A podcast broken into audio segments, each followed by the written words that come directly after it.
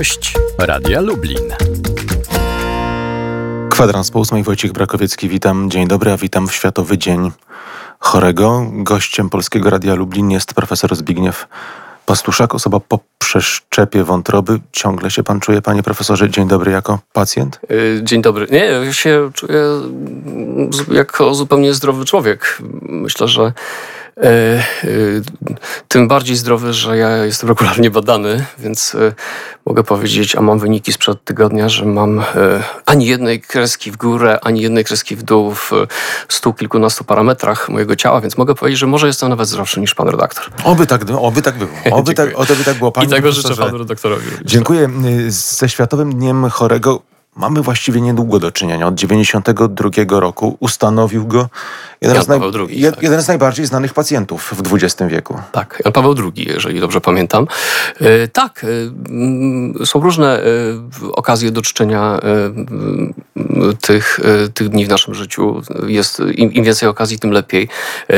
Dzień Chorego to jest takie zwrócenie uwagi na rolę, jaką pacjenci odgrywają w życiu. W, nie mówię tylko o takim problemie relacji pacjent-lekarz, czy, czy człowiek chory i osoba potrzebująca pomocy, ale również to jest też szeroko rozumiany wymiar gospodarczy, czy informacyjny, czy e, też no, społeczny oczywiście. Zdrowie pacjentów to jest, zdrowie osób, obywateli to jest właśnie ten wymiar stricte ekonomiczny. No tak, e, jeśli byśmy do, do, do wymiaru ekonomicznego to sprowadzali, to im zdrowsze jest społeczeństwo, tym oczywiście jest więcej osób, które mogą pracować, a jeżeli więcej osób może pracować, tym więcej osób może pomnażać nasz e, dobrobyt, nasz PKB i możemy się rozwijać. Chociaż y, no, można też tak zażartować, że jeżeli by nie było pacjentów, to nie byłoby potrzeby kształcenia lekarzy i wiele zawodów nie miałoby racji bytu. Ale z drugiej strony są takie opinie wśród lekarzy, kiedyś zgłębiając ten temat, to dotyczy wymiaru ekonomicznego, ale tej bardziej pesymistycznej, czarnej strony, że często na pacjenta patrzy się jak na numer PESEL. E, być może, znaczy ja miałem takie szczęście w swoim życiu, że nie trafiłem na lekarzy, którzy patrzyli e, na mnie przez pryzmat e, PESEL albo tego, co może NFZ zapłacić za leczenie mnie jako pacjenta. I myślę, że większość lekarzy jednak dlatego wybiera ten zawód, że ma tą taką bardzo wysoką poprzeczkę etyczną ustawioną i głównie interesują się tym, żeby jednak nieść pomoc potrzebującym. Na pewno przez pryzmat PESEL czy przez pryzmat rozliczeń, słupków finansowych finansowych, winien ma i tak dalej, y, patrzą na y, pacjentów y, wszystkie te służby czy instytucje, które muszą do tego tak podchodzić, typu NFZ czy Ministerstwo Zdrowia, ale wiemy, że te, te, te analizy, które się prowadzi, również mają jakby umożliwić to, żeby tych pacjentów lepiej leczyć. Zresztą wczoraj chyba albo kilka dni temu ministerstwo podało taką informację, że będą przeznaczone dodatkowe środki na finansowanie czterech specjalności, które są w świetle analiz statystycznych, między innymi e, najpotrzebniejsze w Polsce i tam są między innymi ortopedzi, a trzeba dzisiaj uważać, e, bo ślisko jest na ulicach. Panie profesorze, wymienił pan e, słowo, które mam wrażenie, nie jestem przekonany, że to jest fundament tego wszystkiego, o czym mówi się przy okazji choroby, mianowicie cierpienie. Ja pamiętam taki opis, kiedy ksiądz profesor Józef Tischner był już umierający i odwiedził go jeden z polityków. Już nie, mógł, nie, nie mógł mówić, ale na karteczce napisał tekst nie uszlachetnia. E, cierpienie nie uszlachetnia. Mm, myślę, że to mm, rzeczywiście cierpienie weryfikuje e, tak zwanych twardzieli. Tak? Jest bardzo wielu e, twardych ludzi, którzy uważają, że są twardzi, ale rzeczywiście e, ja sam widziałem, leżąc na różnych oddziałach, przypadki dużych, dobrze zbudowanych facetów, którzy na widok pielęgniarki, która przychodziła pobierać krew do analizy, po prostu mdleli.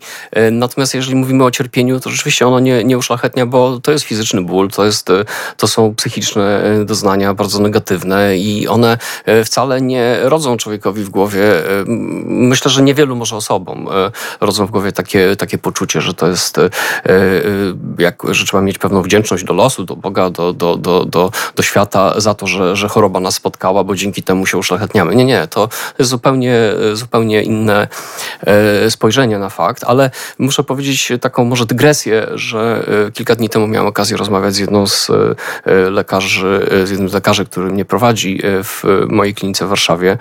I ta pani doktor powiedziała, że mm, spotkała się z pacjentką, która była bardzo no, chora onkologicznie, która po spotkaniu z, ze swoim lekarzem prowadzącym usłyszała, że ma 95% szans jednak zejść z tego świata, czyli, czyli raczej lekarz nie stworzył przed nią pewnej perspektywy czegoś, co mogłoby jak, jakieś światełko w tunelu dla niej stanowić, jakąś, jakieś pocieszenie. I ona później e, miała e, wielki żal, że ten lekarz nie powiedział, że ona ma 5% szans na przeżycie.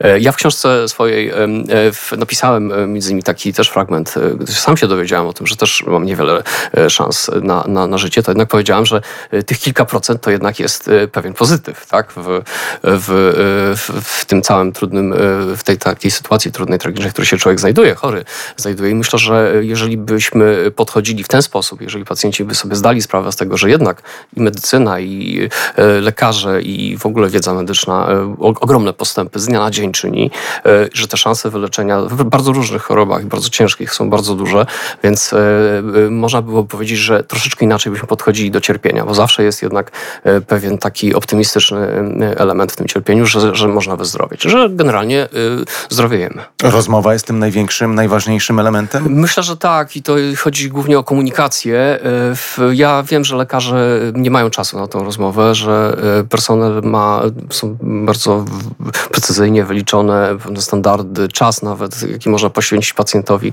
Tej pracy jest bardzo dużo, ale e, pacjenci, którzy cierpią, rzeczywiście potrzebują jakiegokolwiek słowa otuchy, to znaczy jakiejś, jakiegoś pokazania pewnego, pewnych możliwości, tak, które jeszcze przed nimi są, że to nie jest jakby koniec ich życia, pobyt w e, szpitalu czy, czy, czy leczenie jakiejś e, przewlekłej, e, poważnej choroby. I myślę, że, że jeżeli byśmy oczekiwali czegokolwiek jako potencjalni pacjenci, czy jako pacjenci obecni od personelu szeroko rozumianego, to przynajmniej pokazywania pełni tego, tej, tego spektrum, tego, co nas może czekać. Lekarze z reguły nie mają problemu z tym, żeby mówić o tym, że choroby są poważne albo że jesteśmy w jakiejś trudnej sytuacji, ale bardzo często brakuje im czasu na to, żeby powiedzieć, że jest jednak e, pewien pozytyw i naprawdę e, chyba niewielu lekarzy umie e, zacząć od tego rozmowę z pacjentem, a tego oczekują pacjenci. Powiedzieć samego, samemu pacjentowi, ale chyba i najbliższym i rodzinie, bo to jest ten... No, tak. Pacjent nigdy nie cierpi sam, albo prawie nigdy.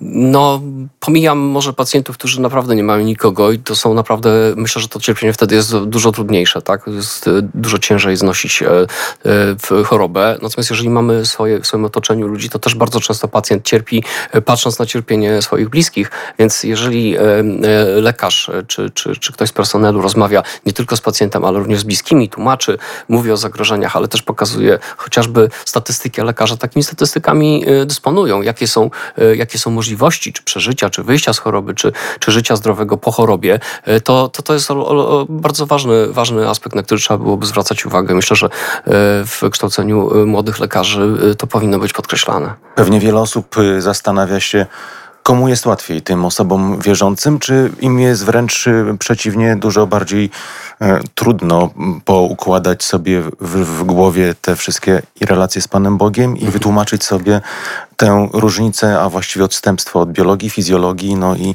i samej wiary w Pana Boga. Każdy z nas ma, ma, ma, ma swój poziom y, odczuć y, religijności i tak dalej. Sam jako osoba wierząca y, też wielokrotnie mówiłem, czy, czy, czy w czasie rozmów podkreślałem to, że no, każdy inaczej chyba podchodzi do, do, do sprawy swojej choroby. Wiem, że są nawet osoby duchowne, które mają problem z tym, tak? Nie są, nie są w stanie się pogodzić. Uważają, że to jest jakaś kara Boża. Ja uważam, że no, Bóg jest do, dobrą istotą, która raczej człowiekowi y, chce w życiu dawać dobre y, zdarzenia, czy dobre, dobre sytuacje do tego, żeby się rozwijać jako nie wiem, chrześcijanin czy, czy katolik. E, e, ale wiem, że no różnie to, to, to jest indywidualna, myślę, kwestia I, i czasami jest łatwiej, a czasami jest trudniej. I udało mi się spotkać w też moim karierze pacjenckiej pacjentów, którzy zrezygnowali z wiary dostrzec tego drugiego człowieka w pacjencie, w osobie cierpiącej. Zawsze trzeba, tak. To jest najważniejsze. Myślę, że matka Teresa tak, e, takie miała podejście i pokazywała, jak można podchodzić do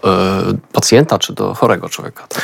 Nie Profe tylko Profesor Zbigniew Pastuszak. Bardzo, bardzo panu dziękuję za rozmowę. I życzę zdrowia wszystkim słuchaczom redakcji również. Dziękuję.